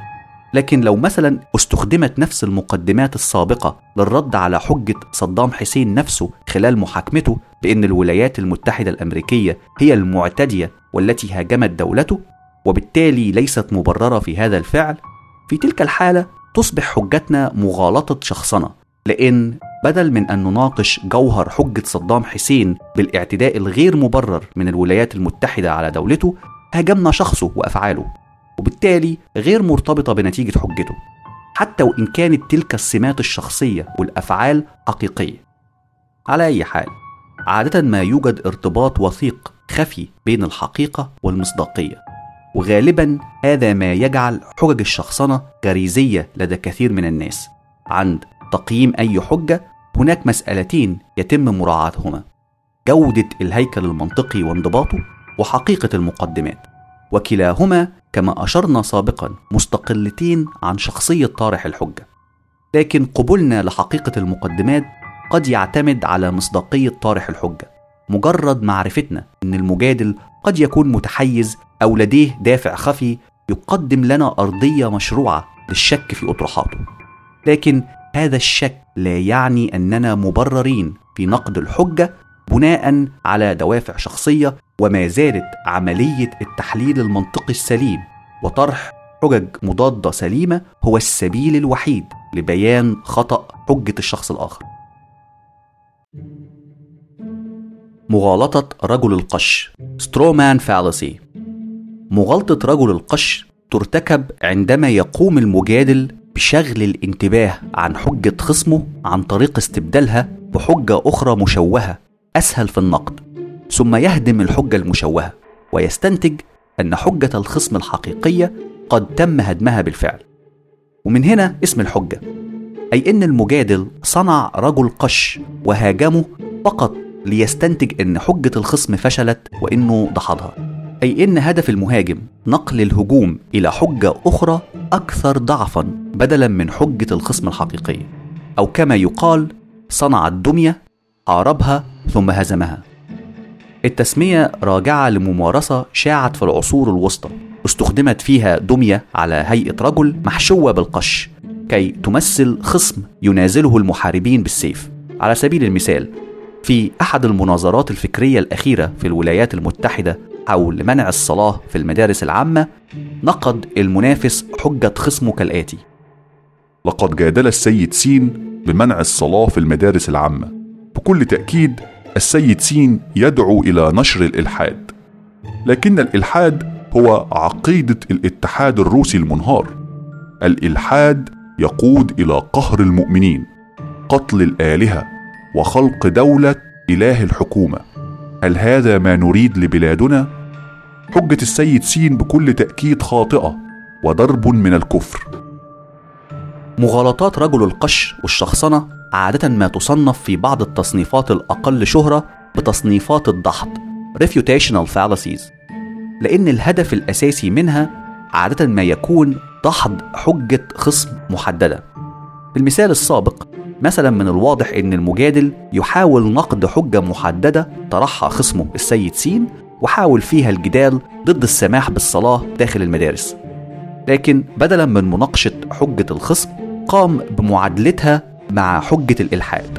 وبعد هذا انتقل الهجوم على حجة الإلحاد وأعلن انتصاره عليها. لكن بما إن حجة السيد سين لا تجادل حول الإلحاد أي لا تحاول إثبات صحة إن كان الإلحاد منهج صحيح أم لا، إذا منافسه ارتكب مغالطة رجل القش. من المثال السابق من الواضح أن استراتيجية التشتيت التي عادة ما يلجأ لاستخدامها في تلك الحالة هي محاولة المبالغة في حجة الخصم وإظهارها بصورة أكثر تطرفا عن حقيقتها. لكن في الحقيقة هناك عدة استراتيجيات قد تستخدم في مغالطة رجل القش لتحريف موقف الخصم. منها على سبيل المثال واحد التحريف بالتجزئة أو الاقتطاع أي تناول جزء صغير من موقف الخصم والمبالغة في حجمه وتعميمه كي يبدو وكأنه الموقف الكلي للخصم. اتنين التحريف بالتنميط stereotyping وهو محاولة المجادل تعميم نمط معين من التفكير على حجة الخصم كما حدث مثلا في المثال السابق. عندما لجأ المجادل لتعميم حجة نمط أعم من التفكير وهو الإلحاد. في رأيي أحد أشهر صور مغالطة رجل القش شيوعا في المجتمعات الشرقية الحديثة عادة ما يستخدم بكثرة في حالات نقد الآراء المتعلقة بالمؤسسة الدينية. في بعض الأحيان تلك الدعاوى تصنف تحت نقد الخطاب الديني وتجديد الخطاب الديني إلى آخره. الاستراتيجية الشائعة في التعامل مع تلك الدعوات أو الأفكار هو مقاربتها وتنميطها كصورة من الهرطقة أو الكفر ونقل الهجوم على حجة الخصم إلى الهجوم على رجل القش في تلك الحالة الكفر والهرطقة الذي يعد بكل تأكيد حجة أسهل للدحض على الأقل داخل المجتمعات الدينية. لكن في الحقيقة مغالطة رجل القش نوع خطر من النقد لأنه إذا قام أحد الناقدين في الجدال بتصوير خصومه بطريقة تبدو أكثر تطرفا وغير منطقية أكثر مما يمكن تبريره نظرا لما كتبوه أو قالوه فمن المرجح أن يتعرف المتلقي على المبالغة ويشعر بعدم معقولية الصورة ويرى حجة الناقد غير عادلة وظالمة بل والأسوأ أن يرى المتلقي المغالطة على إنها نوع من التحريف وعدم المصداقية في نقل حقيقة حجة الخصم. مغالطة تجاهل المطلوب الحيد عن المسألة. Missing the point. Ignoratio elenchi فئة تجاهل المطلوب من مغالطات الارتباط في الواقع أصعب في تحديد سماتها بشكل دقيق وهناك العديد من الأسماء والمصطلحات التي قد أطلقت على هذه الفئة. مثلا الاستنتاجات عديمة الصلة irrelevant conclusions والفكرة العامة هي أن المقدمات في الحجة عادة ما تدعم نتيجة أخرى مختلفة عن نتيجة الحجة. صور المغالطة تعد حالة خاصة من مغالطات عدم الارتباط بشكل عام. عادة النتيجة المختلفة التي تدعمها مقدمات الحجة ترتبط من بعيد أو بشكل غامض بنتيجة الحجة نفسها. وبالتالي التعرف على المغالطة يبدأ بتحديد النتيجة التي تدعمها المقدمات فعلا. وهل تتطابق أم تختلف عن النتيجة المطروحة داخل الحجة؟ وكيف ترتبط بنتيجة الحجة إن لم تكن هي نفس النتيجة؟ فكر في تلك الأمثلة. معدلات جرائم السرقة ارتفعت في الفترة الأخيرة لمستوى مقلق والحل واضح. لابد من إعادة عقوبة الإعدام مرة أخرى تلك الجرائم. هناك تصورين لنتيجتين من الممكن صياغتهم في تلك الحجة. لابد من زيادة الحرس والشرطة في الأحياء التي هي عرضة أكثر لخطر السرقة أو النتيجة الأخرى وهي إعادة عقوبة الإعدام مرة أخرى كعقوبة للحد من أسباب تلك الجرائم. نتيجة إعادة عقوبة الإعدام تبدو غير منطقية بداية من أن جرائم السرقة لا تنطبق عليها عقوبة الإعدام في حين أن النتيجة الأولى تبدو وثيقة الاتصال بالمقدمات. في الحقيقة المصطلح اليوناني ignoratio elenchi يعني تجاهل الدليل وفي تلك الحالة المجادل يتجاهل التبعيات المنطقية لمقدماته ويقدم نتيجة أخرى تماما بعيدة عن المطلوب أي تتجاهل المطلوب من الحجة. لو لاحظت المغالطة دي عادة ما تكون جذابة للمتلقي لأنها تقدم نتيجة قد يقبلها أو تبدو منطقية. لكنها تصرف انتباهه عن الهدف أو النتيجة الحقيقية للحجة. عادة ما تكون تلك المغالطة شائعة في المناقشات الاجتماعية حيث يقترح برنامج معين لبلوغ غاية كبرى متفق عليها من جميع أطراف المجتمع ثم يدعم البرنامج بأطروحات تدعم هذه الغاية الكبرى لكن في الواقع ليست لها علاقة بالبرنامج محل السؤال. وقبول الحجة عادة ما يقبل بناء على قبول الناس لهذه الغاية الكبرى. السياسيين بارعين في استخدام تلك المغالطة في محاولة تمرير برامجهم الاجتماعية تحت مسميات كبرى فضفاضة لا يختلف حولها الجماهير مثل الأمن القومي، الصحة، مكافحة الفقر، الجريمة إلى آخره. من السهل على الجميع أن يتفق على هذه الأهداف النبيلة، لكن السؤال الحقيقي ما هي البرامج الفعالة والمجدية فعلا لتحقيق تلك الغايات والأهداف النبيلة؟ لكن استجداء تلك العبارات والجمل الفضفاضة يعتم على قدرة المتلقي لتفنيد الحجة المطروحة بشكل منطقي. على سبيل المثال لا الحصر لأن الأمثلة في تلك الحالة عديدة وأكبر من حصرها في السنوات الأخيرة في دولة مصر. في خطاب الرئيس المصري عبد الفتاح السيسي للجماهير سنة 2013 طلب من الجماهير النزول للشوارع في جموع كبيرة لإعطاء تفويض بمواجهة العنف المحتمل للقضاء على الإرهاب. بكل تأكيد لن يختلف الكثير على أن مواجهة العنف والقضاء على الإرهاب أهداف نبيلة ولن يختلف حولها أحد لكن هذا ليس كافي لتبرير النتيجة وهو التفويض من الشعب للجيش والشرطة باتخاذ أي إجراءات يروها مناسبة للتعامل مع العنف حتى وإن كانت خارج قواعد وسلطة القانون. قد يكون هذا أحد وسائل التعامل مع الأمر لكن الحجة لا تقدم أي دعم لهذه النتيجة. على العكس ترتكب مغالطة تجاهل المطلوب بتشتيت المتلقي والحيد عن المسألة المطروحة وهي ما هي المبررات المنطقية لتفويض النظام بالتعامل مع أعمال العنف أو الشغب خارج سلطة القانون الحالية. المصريين طلب. بطلب من المصريين طلب. يوم الجمعة الجاية يوم الجمعة الجاية لابد من نزول كل المصريين الشرفاء الأمناء.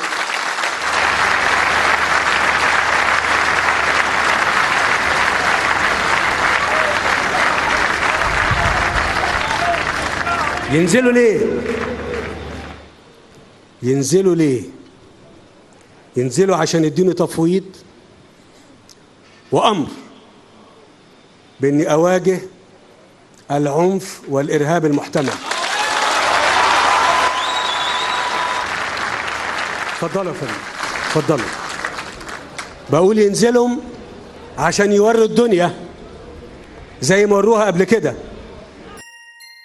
الرنجة الحمراء Red Herring في عمليات تدريب كلاب الصيد قديما كان يتم استخدام الرنجة الحمراء المدخنة عندما كان يتم تدريب الكلب على اتباع الرائحة الباهتة لحيوان ما. ثعلب مثلا. المدرب كان يسحب الرنجة الحمراء التي تشوش رائحتها القوية على الحيوان في طريق متعامد مع طريق الحيوان المطارد لإرباك الكلب. في النهاية يتعلم الكلب اتباع الرائحة الأصلية للحيوان بدلا من الرائحة القوية للرنجة. هذه أحد القصص الشائعة عن مصدر تسمية مغالطة الرنجة الحمراء. لكن هذه القصة التي كانت شائعة لفترة طويلة هناك الآن خلاف حول تسميتها. على أي حال أيا كان مصدر التسمية المغالطة تقترب كثيرا من مغالطة تجاهل المطلوب. عادة المجادل يبتعد عن النقطة الرئيسية ويشتت الموضوع إلى أمور فرعية قد تكون مرتبطة بالقضية الأصلية لكن من بعيد. بالتحول إلى التفاصيل الغير مهمة أو التحول إلى موضوع لافت أو مثير للعواطف والانفعالات ويتشابه سطحيا مع الموضوع الأصلي. أي الرنجة الحمراء التي تشتت على الطريق القويم للحقيقة وتستهلك طاقة الخصم في ترهات خارجة عن النتيجة المطلوبة. أو إثارة مشاعره بجذبه خلف مسألة براقة بعيدة عن جوهر القضية. كي ينجح الفرد في مغالطة الرنجة الحمراء لابد أن يحول موضوع الحجة الأصلي دون أن يشعر المتلقي وإلا أبطل المغالطة. أحد الطرق الشائعة لتحويل موضوع الحجة هو اختيار موضوع آخر مرتبط بالموضوع الأصلي. فلا يشعر المتلقي بالانتقال. تأمل المثال التالي. يدافع أنصار البيئة باستمرار عن مخاطر الطاقة النووية. لكن لسوء الحظ الكهرباء خطيرة بغض النظر عن مصدرها. في كل عام يتم صعق مئات الأشخاص عن طريق الصدفة. نظرا لأن معظم هذه الحوادث ناتجة عن الإهمال فيمكن تجنبها إذا كان الناس أكثر حذرا. المثال السابق بيرتكب مغالطة الرنجة الحمراء بشكل قياسي. القضية الأصلية هي إن كانت الطاقة النووية خطيرة أم لا لكن المجادل انتقل برشاقة إلى قضية أخرى قريبة وهي مخاطر الكهرباء وحوادث الصواعق الكهربائية. وبنى نتيجته النهائية بناء على الخطورة الكامنة في استخدام الكهرباء بشكل عام. بكل تأكيد تلك النتيجة مختلفة تماما عن المخاطر الناتجة عن احتمالية انفجار المفاعلات النووية. لكن لمجرد إن الاتنين مرتبطين بفكرة توليد الكهرباء الهدف الذي تستخدم من أجله المفاعلات النووية في العادة حاول المجادل أن يخدع المستمع ويقوده خلف موضوع فرعي. الطريقة الثانية الشهيرة لاستخدام مغالطة الرنجة الحمراء بنجاح هي تغيير الموضوع إلى موضوع آخر براق وجذاب وغالبا ما ينجح في تشتيت انتباه المستمع. المواضيع البراقة من هذا النوع عادة ما تكون جنس الجريمة الفضائح الرذيلة الموت الأحداث الكبرى الكوارث أو بشكل عام أي موضوع يصلح مادة خصبة للنميمة والإشاعات في الحقيقة هذا النوع من مغالطة الرنجة الحمراء من السهل جدا التعرف عليه في وسائل الإعلام العربية.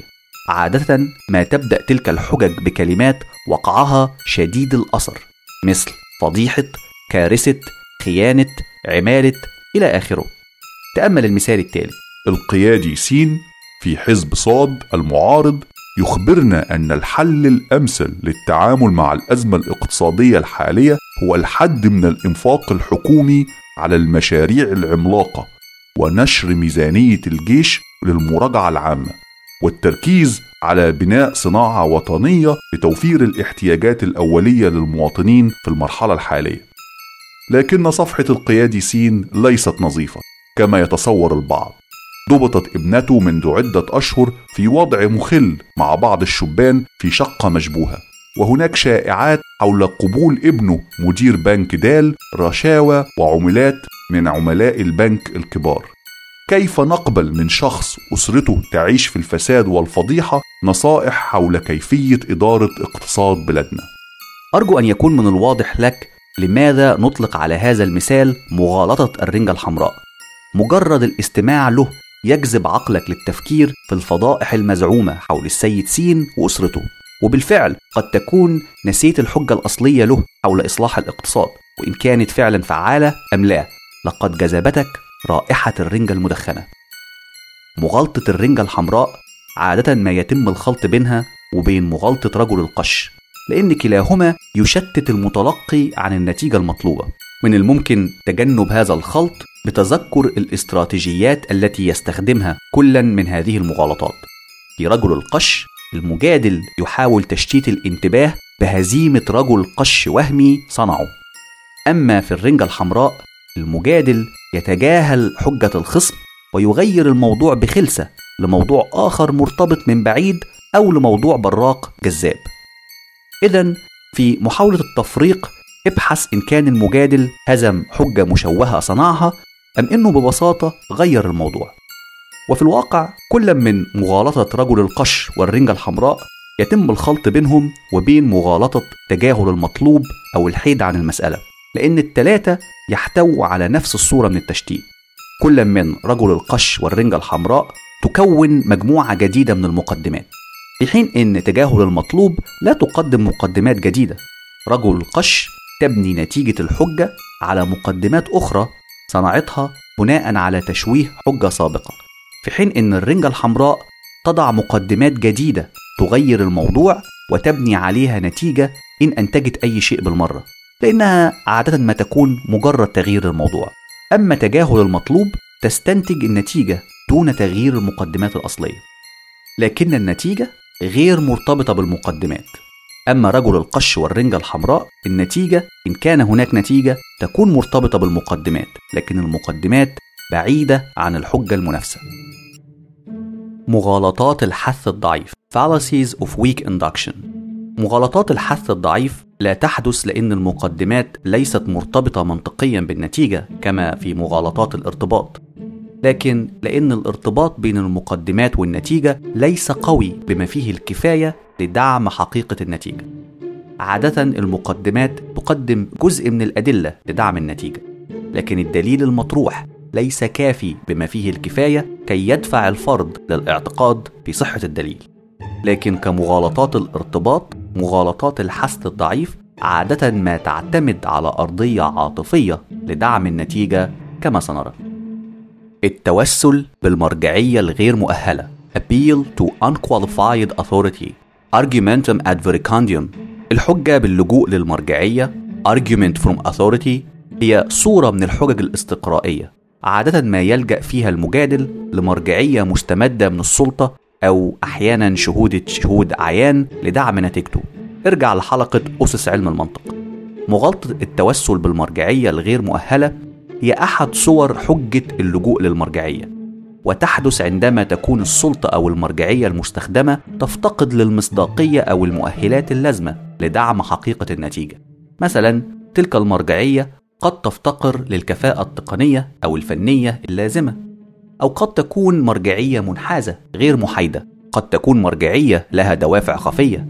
قد تكون مرجعية كاذبة عرف عنها نقل المعلومات الخاطئة. أو قد تكون مرجعية غير مؤهلة من الناحية العقلية مثلا غير قادرة على التذكر أو قدرتها العقلانية محل تساؤل. تأمل المثال التالي. المحلل السياسي السيد عين يجادل أن السرطان من غير الممكن علاجه من خلال زرع الأعضاء لأن الأورام تصيب الخلايا وليس الأعضاء وبالتالي لا يمكن السماح بعمليات زراعة الأعضاء. في تلك الحالة مرجعية السيد عين غير كافية لدعم نتيجة الحجة لأنه غير متخصص في دراسة الأورام وبالتالي الحجة ارتكبت مغالطة المرجعية الغير مؤهلة. تأمل المثال التالي. السيد كاف العضو السابق لمجلس إدارة شركة نون للأدخنة شهد أمام مجلس الشعب أن التبغ ليست مادة تسبب الإدمان وبالتالي تدخين السجائر لا يسبب الإدمان. إذا يجب أن نصدقه ونستنتج أن التدخين في الحقيقة لا يسبب الإدمان. من الواضح أن شهادة السيد نون قد يكون وراءها دافع بحكم علاقته بشركات الأدخنة لأنه لو أقر أن التدخين يسبب الإدمان كانت الحكومة ستقوم بفرض قوانين تنظيمية على شركات الأدخنة. مثال آخر. السيد ألف عمره فوق السبعين سنة ويعاني من صعوبة في الرؤية خصوصا في المساء. السيد ألف شهد أنه رأى المتهم يتسلل إلى منزل القتيلة الساعة الواحدة والنصف بعد منتصف الليل وهذا دليل على ارتكاب المتهم للجريمة. شهادة السيد ألف محل شك بسبب قدراته الفيزيائية. لاحظ أن قدرتك على تحديد أهلية المرجعية هو جوهر اكتشاف المغالطة. في بعض الأحيان قد يكون الفرد مرجعية في أكثر من مجال. مثلا الكيميائي قد يكون مرجعية في علم الأحياء حسب سياق الموضوع أو الطبيب قد يكون له مرجعية في الكيمياء العضوية والأدوية أيضا حسب السياق وهناك مواضيع لا يمكن قصرها على مرجعية محددة مثل السياسة، الأخلاق والدين. مثلا لو جادل أحدهم إن عملية إجهاض الأجنة أمر غير أخلاقي لأن فيلسوف ما طرح هذا الرأي أو رمز ديني ما طرح هذا الرأي، الحجة ما زالت ضعيفة لأن المرجعية هنا غير كافية. الكثير من الأسئلة في, في تلك المناطق شائكة غير محسومة وتحتمل العديد من الآراء ولا توجد حكمة واحدة أو مرجعية واحدة يمكن الاعتماد عليها لحسم القضية. ده بالإضافة لأن هذه المجالات تفتقر لمنظومات بحثية صارمة ومنضبطة ومتفق عليها من الكل كما هو في حالة العلوم الإنسانية. الدين على سبيل المثال تطورت عبر عبر التاريخ طرق وأدوات ومراجع لدراسته لكنها ليست ذات مرجعية يتفق عليها الكل. وإن كان يوجد حولها في بعض الأحيان نوع من الإجماع لكن مع ذلك توجد خلافات عديدة غير محسومة داخل عباءة الدين الواحد. وكثير من الأفراد قد يقرر مخالفة ما يقوله من يدعون المرجعية داخل تلك الأديان بشكل مستقل. وبالتالي مغالطة المرجعية غير المؤهلة لا تنطبق في حالة الحجج حول الدين، السياسة أو الأخلاق. الكاتب والمفكر المصري دكتور مصطفى محمود قامت عليه عاصفة من النقد سنة 2000 بسبب آرائه حول قضية الشفاعة في الإسلام ورفضه للفكرة وبعض الأحاديث النبوية التي تناولتها ونشرها في كتابه الشفاعة محاولة لفهم الخلاف بين المؤيدين والمعارضين الذي نشره سنة 1999 الكتاب أثار موجة حادة من الاعتراضات والنقد والقذف والسب في بعض الأحيان ونشرت العديد من الكتب للرد على طرحه. وفي حين إن كان هناك بعض محاولات الرد الجادة لتفنيد طرح دكتور مصطفى محمود إلا أن النقد الشائع على ما أذكر في تلك الفترة بين عدد من الشيوخ وعلماء الدين الإسلامي هو أن حجة الدكتور مصطفى محمود غير صالحة لأنه طبيب وليس عالم في الدين الإسلامي ولا يملك الأدوات اللازمة لقراءة الأحاديث النبوية وتصحيحها. أي أنهم يدعون أنه غير مؤهل وحجته ارتكبت مغالطة المرجعية الغير مؤهلة. لكن في الحقيقة هذا الادعاء غير سليم لأن كما أشرنا سابقا الدين أحد المناطق التي لا يجوز فيها ارتكاب مغالطة المرجعية الغير مؤهلة. التوسل بالجهل. Appeal to ignorance. Argumentum ad ignorantium. عندما تنص فرضية الحجة على إنه لم يتم إثبات أي شيء بطريقة أو بأخرى حول شيء ما وبعد ذلك يقدم الاستنتاج تأكيد محدد حول هذا الشيء فإن هذه الحجة ترتكب مغالطة التوسل بالجهل. عادة الشيء إما من غير الممكن إثباته أو شيء لم يتم إثباته بعد.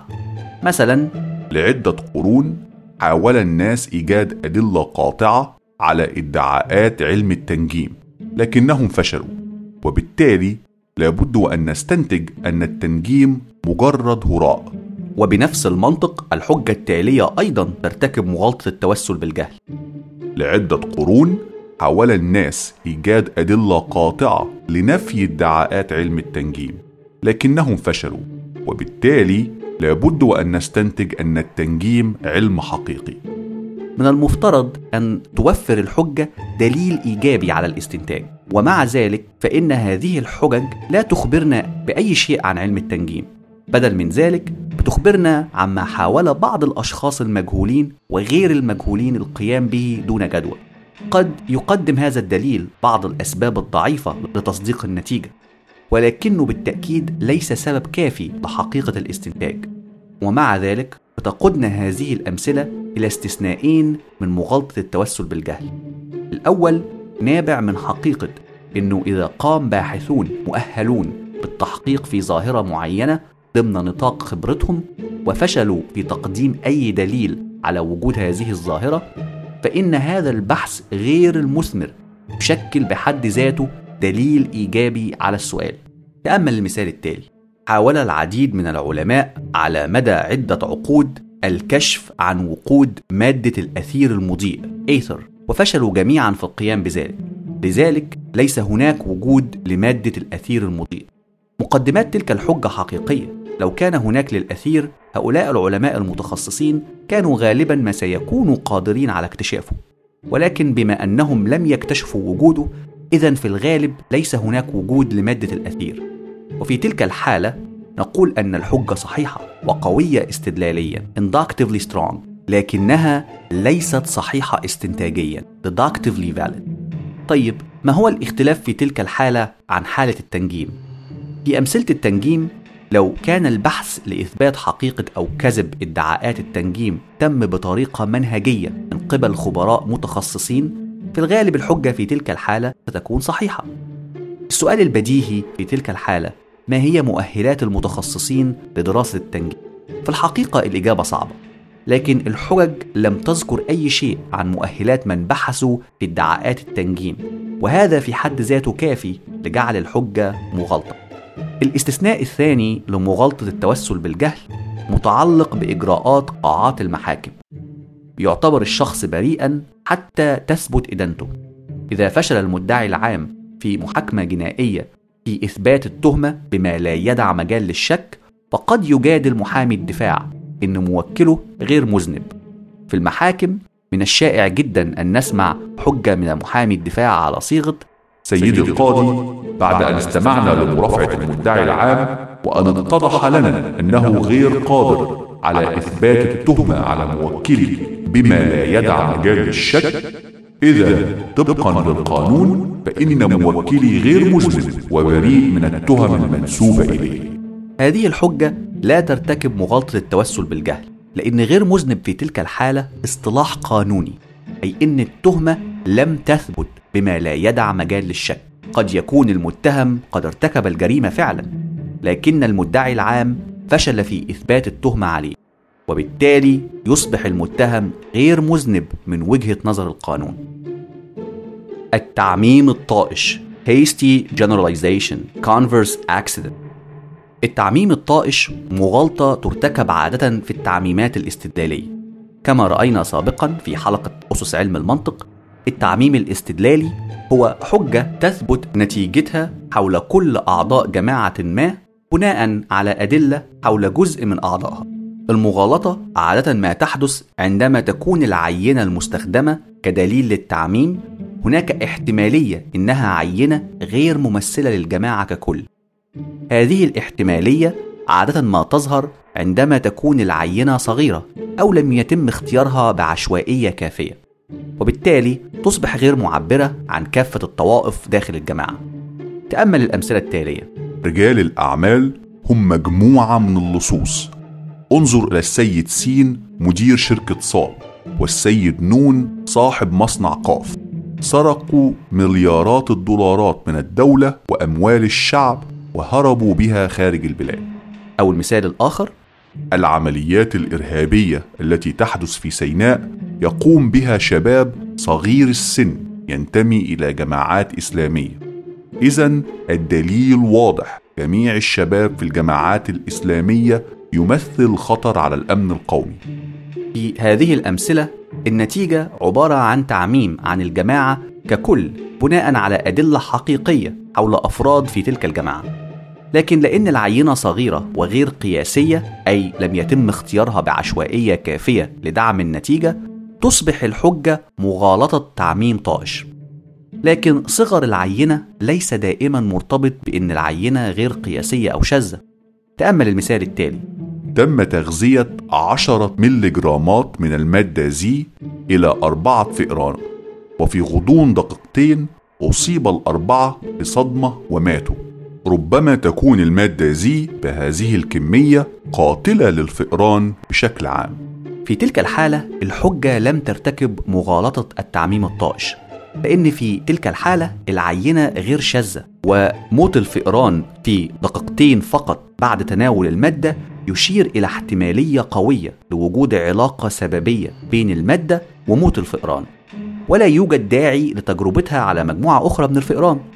في حالة العينات الكبيرة لو كانت العينة مختارة بشكل غير عشوائي قد تكون شاذة. تأمل المثال التالي. في استطلاع أخير للناخبين في محافظة المنوفية بجمهورية مصر العربية أجري على 100 ألف ناخب أظهرت النتائج أن 70% سيصوتون لصالح مرشح الحزب الوطني في الانتخابات القادمة. إذا الغالبية في مصر سيصوتون لمرشح الحزب الوطني. في تلك الحالة بالرغم من أن الحجة أشارت لعينة كبيرة من الناخبين إلا إنها ارتكبت مغالطة التعميم الطائش بفرض إن محافظة المنوفية ستصوت لصالح الحزب الوطني حتى ولو كانت العينة كبيرة إلا إنها لا تمثل كل محافظات الدولة أي إن الاستفتاء لم يختار العينة بشكل عشوائي كافي لأنها لا تمثل كيف سيصوت الناخبين في المحافظات الأخرى. وافترضت أنهم سيصوتون مثل باقي الناخبين داخل محافظة المنوفية أي أن العينة غير ممثلة منحازة وبالتالي لا يمكن اعتماد الحقيقة التي تطرحها. مغالطة السبب الخاطئ Paul's Cause. تكوين العقلية البشرية يسعى إلى الأنماط والمنهجية عند صنع نماذج للطبيعة والظواهر الملاحظة. العلاقات السببية أحد أهم إن لم تكن أهم نمط تفسيري يضفيه العقل الإنساني على الظواهر التي تربط حدوثها نوع من الترابط التزامن والتكرارية. مغالطة السبب الخاطئ تحدث عندما يتم تخيل علاقة سببية وهمية بين المقدمات والنتيجة. عندما يتم رصد مغالطة السبب الخاطئ عادة ما تطرح الحجة أطروحة على شاكلة س تسبب صاد لكن في الواقع س من المحتمل أن تسبب صاد العملية في جوهرها قائمة على تقفي تلك العلاقات السببية في الطبيعة. لكن عندما يخلط العقل بين الارتباط والسببية ويجعل من مجرد الارتباط بين حدثين دليل على السببية تقع المغالطة. السببية تستدعي أكثر من مجرد الارتباط. على سبيل المثال تكرارية الارتباط وتنوعه وعدم وجود ما ينافيه أهم العوامل لتشكيل نمط سببي. ارجع لحلقة إشكالية السببية. هناك عدة صور من الممكن أن تقع عليها المغالطة. واحد المصادفة coincidence وهو الربط بين أحداث بعيدة تماما عن بعضها البعض. تأمل المثال التالي. وجد ارتباط إحصائي وثيق بين معدلات الوفيات في شمال أفريقيا في الشهور الماضية وازدياد معدلات المواليد في طائر البطريق القطب الشمالي في نفس الفترة. في تلك الحالة بالرغم من وجود نمط مرتبط بالمدة الزمنية بين الحدثين إلا أنهم بعيدين تمام البعد عن أي شيء من الممكن أن يربطهما إلى الحد الذي يجعل من الصعب قبول تلك الحجة على إنها تقدم علاقة سببية حقيقية. بل مجرد مصادفة. اتنين المغالطة البعدية. Post hoc ergo propter hoc في هذه الفئة من المغالطات يفترض إن لمجرد إن حدث سبق حدث آخر زمنيا اذا الأول سبب التاني. لكن في الواقع التتابع الزمني غير كافي لتبرير وصلة سببية بين الأحداث. ارجع لحلقة إشكالية السببية. وبالرغم من هذا تلك الصورة من التفكير شائعة جدا وعادة ما تكون الأرضية التي تؤسس عليها المعتقدات الخرافية. على سبيل المثال لقد سقط الكوب من يدي وانكسر قبلها كنت قد أمسكت بذيل قطة. اذا لابد وإن الإمساك بذيل القطة سبب سقوط الكوب. أو كلما سمعت صوت البوم بالليل حدثت كارثة في اليوم التالي. اذا البوم يجلب الفعل السيء. التتابع الزمني شرط ضروري لتكوين العلاقة العلية لكنه ليس شرط كافي. كيف يوصف حدث س إنه سبب حدث آخر صاد ليس كافيا أن يأتي س قبل صاد. مثلا جميع أفراد الكائنات من فئة صاد في عينات ممثلة للفئة تأتي دائما وأبدا بعد جميع أفراد فئة س وتغيب دائما عند غياب س وغيرها من الطرق الإحصائية والعلمية في إثبات السببية. تكوين العلاقات السببية للأسف ما زال أحد نقاط ضعف كثير من العقول الإنسانية وما زلنا نسمع البعض يبرر حدوث الكوارث الطبيعية الأمراض والأمور العظام الخارجة على حدود التفسير العلمي في الوقت الحالي إلى ذنوب البشر غضب الله المعاصي طمع الجشع إلى آخره. وكأننا نسعى إلى سد فجوتنا المعرفية حتى وإن كانت بمعرفة خاطئة. ثلاثة ليس السبب الحقيقي. نون كازا برو كازا هذه الفئة من المغالطات السببية تحدث عندما يكون السبب لشيء ما ليس السبب بالمرة والخطأ ناشئ عن شيء غير ظاهرة التتابع الزمني مثلا أحد أشهر الأمثلة في تلك الحالة هو خلط السبب والنتيجة. تأمل المثال التالي. ازداد معدل امتلاك الأسلحة في ليبيا في نفس الفترة التي انهار فيها النظام الحاكم. إذا امتلاك الأسلحة أدى إلى انهيار النظام في ليبيا.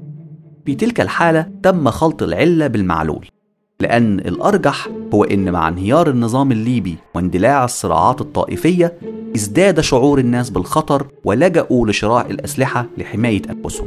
أربعة السبب المبسط oversimplified cause أحد أشهر صورة مغالطة السبب الخاطئ. وعادة يكون هناك أكثر من سبب مسؤول عن النتيجة. لكن المجادل ينتقي أحد تلك الأسباب فقط ويعرضه كالسبب الوحيد وراء النتيجة سواء بعلم أو بدون علم. مثلا المستوى العلمي لخريجي الجامعات انخفض كثيرا في الآونة الأخيرة. بكل تأكيد الأساتذة والمدرسين لا يقومون بعملهم كما ينبغي. انخفاض مستوى الخريجين بكل تأكيد سببه عدة عوامل. قد يكون منها الانضباط في الحضور جودة المادة التعليمية انتشار المواد المخدرة بين الطلاب قلة المعامل والمختبرات ضعف أداء بعض المدرسين إلى آخره. إذا أداء المدرسين أحد العوامل لكنه ليس العامل الوحيد. في العادة مغالطة السبب المبسط بيكون وراءها دافع وغرض شخصي للمجادل سواء لاكتساب مصلحة ما لنفسه أو توجيه دعم لجهة ما أو قطع الدعم عن جهة ما وإلقاء اللوم عليها. مغالطة المقامر. Gambler's Fallacy.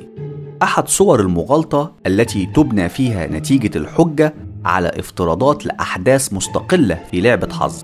تأمل المثال التالي. عند إلقاء عملة بشكل محايد خمس مرات متتابعة في كل مرة حصلنا على الملك. إذا غالبا الرمية القادمة ستكون الوجه الآخر. في الواقع احتمالية أن الرمية القادمة تكون الوجه الآخر أي الكتابة وليست الملك 50% فقط لأن الأحداث مستقلة independent events وبالتالي الرميات السابقة للعملة لا تؤثر على الرميات التالية. ارجع لحلقة ثورة المعرفة البيزية. إذا كي ترتكب مغالطة المقامر لابد للأحداث أن تكون مستقلة مثل رمي نردين أو اختيار عدد من أرقام اليانصيب. الأحداث لا تصبح مستقلة تماما عندما تؤثر مهارة المقامر على نتيجة اللعبة وبالتالي ألعاب القمار مثل البوكر أو الرهان على الخيل إلى آخره لا تنطبق عليها المغالطة في تلك الحالة لأن النتيجة ولو جزئيا تعتمد على مهارة اللاعب. النقطة الأخيرة التي أود أن ألفت انتباهك إليها هي أن الارتباطات الإحصائية في حد ذاتها غير كافية لتكوين العلاقة السببية. على سبيل المثال إذا كان كل ما نعرفه عن التدخين وسرطان الرئة هو أن الاثنين يحدثان معا بشكل متكرر فقد نخلص إلى عدد كبير من الاحتمالات. قد نستنتج أن لكل منهما سبب مشترك مثلا الاستعداد الوراثي. أو قد نستنتج أن سرطان الرئة هو مرض يصاب به في مرحلة مبكرة من الحياة الإنسان ولكنه يظهر في مراحل سنية لاحقة مع بداية المريض في التدخين. لكن لحسن الحظ في هذه الحالة لدينا أدلة أكثر من مجرد الارتباط الإحصائي. هذه الأدلة الإضافية هي التي تدفعنا للاعتقاد بأن التدخين هو سبب السرطان. المنحدر الزلق سليبري سلوب في الأثر قال البدوي لنفسه إذا تركت الجمل يدس أنفه في خيمتي في هذه الليلة الباردة فقد يدس رأسه كله بعد ذلك ثم رقبته. وسرعان ما أجد الجمل برمته داخل الخيمة. هكذا بنى البدوي قصة خيالية انتهت فيها الأحداث أسوأ نهاية ممكنة. مغالطة المنحدر الزلق تطرح صورة كارثية. إن حدث حدث ما ضئيل أو تافه سوف يجر وراءه سلسلة محتومة من العواقب تؤدي في النهاية إلى كارثة. مغالطة المنحدر الزلق هي صورة خاصة من مغالطة السبب الخاطئ. سلسلة العواقب عادة لا يوجد وراءها سبب كافي للاعتقاد فعلا بحدوثها. تأمل المثال التالي. لابد من اتخاذ خطوات عاجلة وحازمة لمنع المواد الإباحية على الإنترنت. الاستمرار بالسماح بها يعرض أبنائنا ومجتمعاتنا للخطر. المواد الإباحية ستقود بكل تأكيد لزيادة معدلات جرائم الجنس كالتحرش والاغتصاب. الأمر الذي سيؤدي إلى تآكل النسيج الأخلاقي للمجتمع وتفشي كافة صور الجريمة. وفي نهاية المطاف سيحدث تفكك كامل للقانون والنظام مما يؤدي إلى انهيار التام لحضارتنا العربية. نظرا لإنه لا يوجد سبب وجيه للاعتقاد في ان مجرد الفشل في حظر المواد الإباحية سيسبب كل تلك الكوارث تعد هذه الحجة مغالطة المنحدر الزلق والصورة المضادة لنفس الحجة قد تكون كالآتي. محاولة حظر المواد الإباحية يهدد أبسط الحقوق المدنية للفرد في المجتمع. الخطوة الأولى هي حظر المواد الإباحية، وسيتبعها فرض الرقابة على الصحف والمجلات، ثم الكتب، ثم الأحزاب، وحق التجمع السياسي، إلى أن يتم تكميم الأفواه والحجر على العقول بالكامل ونعيش في دولة الخوف. كل من الحجتين يحاول إقناع المتلقي إن أمن وأمان المجتمع وطريقة الحياة المعتادة في خطر في نهاية هذا المنحدر الزلق الذي بدأ بخطوة واحدة خاطئة أو عدم اتخاذ هذه الخطوة الأمر الذي سيقودنا إلى طريق زلق ينتهي بنا إلى القاع أحد الصور الشائعة لمغالطة المنحدر الزلق هو سلسلة العواقب التي قد يفرضها الفرد في عقله. مثلا لقد طلب مني سين أن أقرضه عشرة جنيهات. لابد أن أرفض. لو أعطيت اليوم عشرة جنيهات غالبا ما سيعود في الغد ويطلب عشرة جنيهات أخرى أو مئة. وقد يستمر في طلب السلفات إلى أن يفلسني تماما. أشهر استخدامات مغالطة المنحدر الزلق عادة ما تكون في محاولة الدفاع عن الوضع القائم وتجنب صورة من التغيير. والاستراتيجية بسيطة وهي تحريك مشاعر الخوف عند المتلقي تجاه هذا التغير وبالتالي يرفضه. في مناظرة شهيرة في تاريخ الولايات المتحدة الأمريكية فترة الحرب الأهلية التي قامت بسبب قرارات منع امتلاك العبيد أحد صور مغالطة المنحدر الزلق استخدمها أحد القسيسين في ولاية سنسناتي. المغالطة كانت كالآتي. بعد منع امتلاك العبيد سيسمح لهم بالتصويت في الانتخابات. ثم ماذا بعد هذا؟ سيترشحون في الانتخابات وسيكسبون في الولايات التي اعدادهم فيها أكثر من البيض. سيشكلون سلطتهم التشريعية ويجلسون على مقاعد القضاة. وبالتالي ستصبح إدارة الدولة بالكامل من العبيد والسود الجهلة الغير متعلمين. تخيل حياتك في هذا المجتمع البائس. صورة قاتمة بكل تأكيد. لا أعتقد أن الكثيرين قد يقبلوا إطلاق حرية العبيد وقتها إن انزلقوا في هذا المنحدر الفكري. في مغالطات المنحدر الزلق سلسلة العقبات ليست مؤكدة ولا حتى ضرورية. وعادة عبر السلسلة ما تكون الوصلات السببية مفقودة كما في الحجة السابقة. ليس من الواضح على أي أساس سببي اعتقد القس أن تحرير العبيد سيسبب السماح بالتصويت في الانتخابات. النص السابق لم يشير إلى السبب وراء هذا الاعتقاد أو مثلا الانتقال من القدرة على التصويت إلى الترشح لمنصب الحاكم. لا توجد وصلة سببية واضحة في تلك الحجة لهذا الانتقال الغير مبرر من خلال المقدمات. مثال آخر. قد يبدو السماح للأطباء بمساعدة المرضى الغير مأمول في شفائهم في إنهاء حياتهم أمر إنساني غير مضر. لكن هذه الممارسة لو بدأت سيصبح الموت على يد الأطباء أمر شائع جدا. وتدريجيا سيعطي الأطباء الحقنه المميتة دون رقابة كافية. وسيتم إنهاء حياة المرضى دون موافقتهم. لذا لابد أن يتم منع الأطباء من إنهاء حياة المرضى. حتى وإن أراد المريض هذا. انتقال عجيب من القتل الرحيم في حالة الأمراض العضال إلى أطباء قتلة بلا شفقة أو رحمة. ومن غير الواضح لماذا سيتم السماح للأطباء بالقيام بقتل المرضى دون أي رقابة ولماذا لن يتصدى لهم المجتمع الطبي أو الحكومة؟ ولهذا تحليل أطروحات مغالطة المنحدر الزلق مهم جدا ووضع كل منها أمام التساؤل والتفنيد. والبحث عن الوصلات السببية خلفها أمر ضروري للتعرف على المغالطة. التفكير التشبيهي weak analogy. المماثلة analogy تعبر عن تقارب جزئي بين ملامح شيئين أو تصورين تسمح بإقامة مقارنة بينهم. مغالطة التفكير التشبيهي أحيانا يطلق عليها المماثلة الزائفة false analogy لأنها تعقد مقارنة بين أمرين لا يوجد بينهم وجه للمقارنة أو التشابه بينهم سطحي ليس بالصورة التي تريد الحجة أن تثبته. الحجة بالمماثلة argument from analogy أحد صور الحجة الاستدلالية inductive الشائعة. وفيها النتيجة تعتمد على وجود مقاربة أو مماثلة بين شيئين أو موقفين. الهيكل العام للحجة بالمماثلة عادة ما يكون على صورة واحد س له الخواص ألف باء تاء ثاء. اثنين صاد له الخواص ألف باء تاء.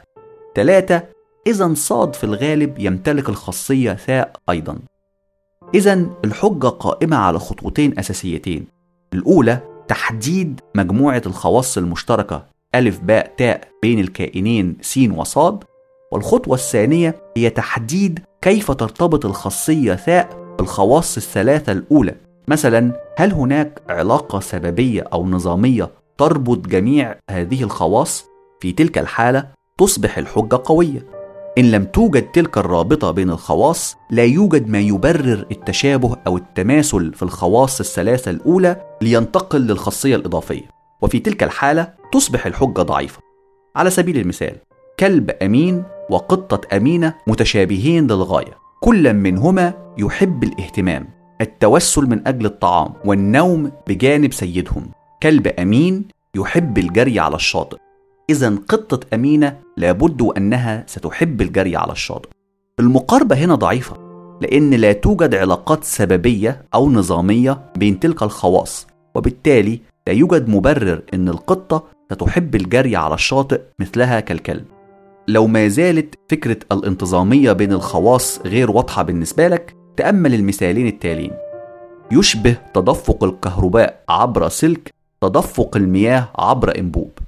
من الواضح أن الانبوب ذو القطر الكبير سيحمل تدفقا أكبر من الأنبوب ذو القطر الصغير. لذلك يجب أن يحمل السلك ذو القطر الكبير تدفقا أكبر للكهرباء من السلك ذو القطر الصغير. الآن تأمل المثال الثاني. يشبه تدفق الكهرباء عبر سلك تدفق المياه عبر أنبوب. عندما يتدفق الماء إلى أسفل يكون الضغط في الجزء السفلي أكبر منه في العلوي. تالي عندما تتدفق الكهرباء إلى أسفل عبر سلك يجب أن يكون الجهد أكبر في الجزء السفلي منه في العلوي. المثال الأول حجة بالمماثلة قوية أما الثاني مغالطة مماثلة ضعيفة. الحجتين بيعتمدوا على إقامة تقارب بين جزيئات الماء أثناء مرورها في الأنبوب والإلكترونات أثناء مرورها في السلك.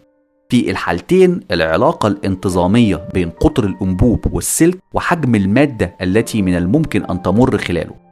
في المثال الأول هذه العلاقة الانتظامية تقدم وصلة قوية بين المقدمات والنتيجة وبالتالي تصبح الحجة قوية. أما في المثال الثاني هناك وصلة سببية بين الاختلاف في الارتفاع وزيادة الضغط تنطبق في حالة الماء لكنها لا تنطبق في حالة الكهرباء تدفق جزيئات الماء في الأنبوب يتأثر جدا بالجاذبية لكن نفس الخاصية لا تنطبق على تدفق الإلكترونات في السلك وبالتالي تقع المغالطة. الحجة بالمماثلة من أصعب وأعقد صور الحجج المنطقية ومن السهل أن تقع في فخ المغالطة. وسنعود لمناقشة الحجة من المماثلة بتفصيل أكبر في الحلقات المستقبلية. المنطق الغير رسمي أو الغير صوري Informal Logic تأسس كفرع بحثي مستقل في أواخر السبعينيات على يد كل من المنطقي الكندي الأمريكي المعاصر رالف جونسون والمنطقي الكندي جون أنتوني بلير ونشرهم لكتابهم الشهير الدفاع عن النفس المنطقي Logical Self-Defense سنة 1977 هذا المبحث ركز على مبادئ المنطق والفكر المنطقي خارج الإطار الرسمي.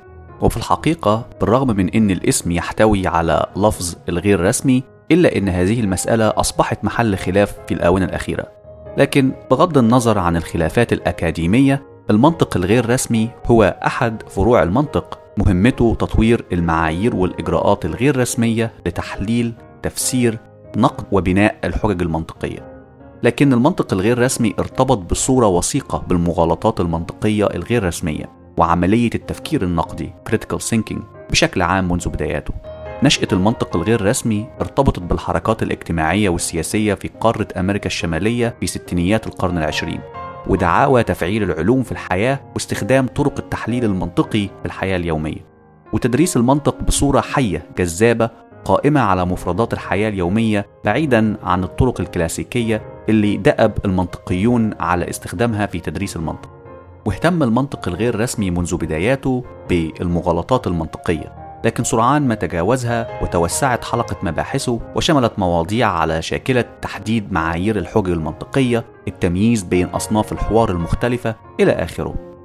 المغالطات أنماط من الحجج الباطلة شائعة بين البشر وتتلون بمظهر الحجج الصحيحة دراسة المغالطات ليست بديلا عن دراسة مبادئ الاستدلال الصحيح وبالرغم من أهمية دراستها كوسيلة للتعرف على أساليب وأنماط الانحراف عن التفكير القويم إلا أن الأصل هو فهم وإجادة طرق التفكير الاستنتاجي والاستدلالي السليم قبل دراسة وفهم الانحراف عليه. لكن هذا لا يقلل من أهمية دراسة المغالطات المنطقية لأنها تفشت بصورة وبائية في واقعنا اليومي وأصبح من العسير التفريق بين الأصحاء أصحاب التفكير القويم والمرضى الذين انحرفوا عن طرق التفكير العقلانية بسبب تعرضهم اليومي لهذه الأنماط المنحرفة من الجدل والتفكير.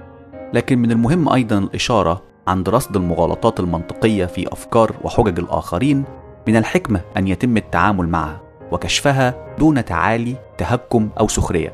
حتى لا تفشل مساعي الفرد في إظهار الانحراف الفكري في حجج الآخرين. أيضا ينصح بالابتعاد عن الإكثار من استخدام المصطلحات اللاتينية الكلاسيكية كلما أمكن لأنها قد تبدو غريبة على أذن المستمع. وتذكر دائما أن الهدف هو الوصول للحق وليس التعالي على الآخرين أو إظهارهم كمخطئين أو منحرفين عن طريق التفكير العقلاني القويم ودلوقتي تأمل للحظات الخطاب اليومي من الإعلاميين السياسيين والآخرين من حولك هل عادة ما تتسم أفكار وحجج الآخرين بالعقلانية والتفكير القويم؟ وما هي الصور وأنماط التفكير الغير عقلاني في حجج الآخرين؟ هل المغالطات المنطقية أصبحت وباء ينتشر بسرعة جنونية في مجتمعاتنا؟ لدرجة أصبح معها من الصعب التعرف على الأفكار العقلانية القويمة؟ فكر تاني في الحلقة الجاية سنكمل رحلة بحثنا في رصد أنماط المغالطات المنطقية الغير رسمية وطرق التعرف عليها.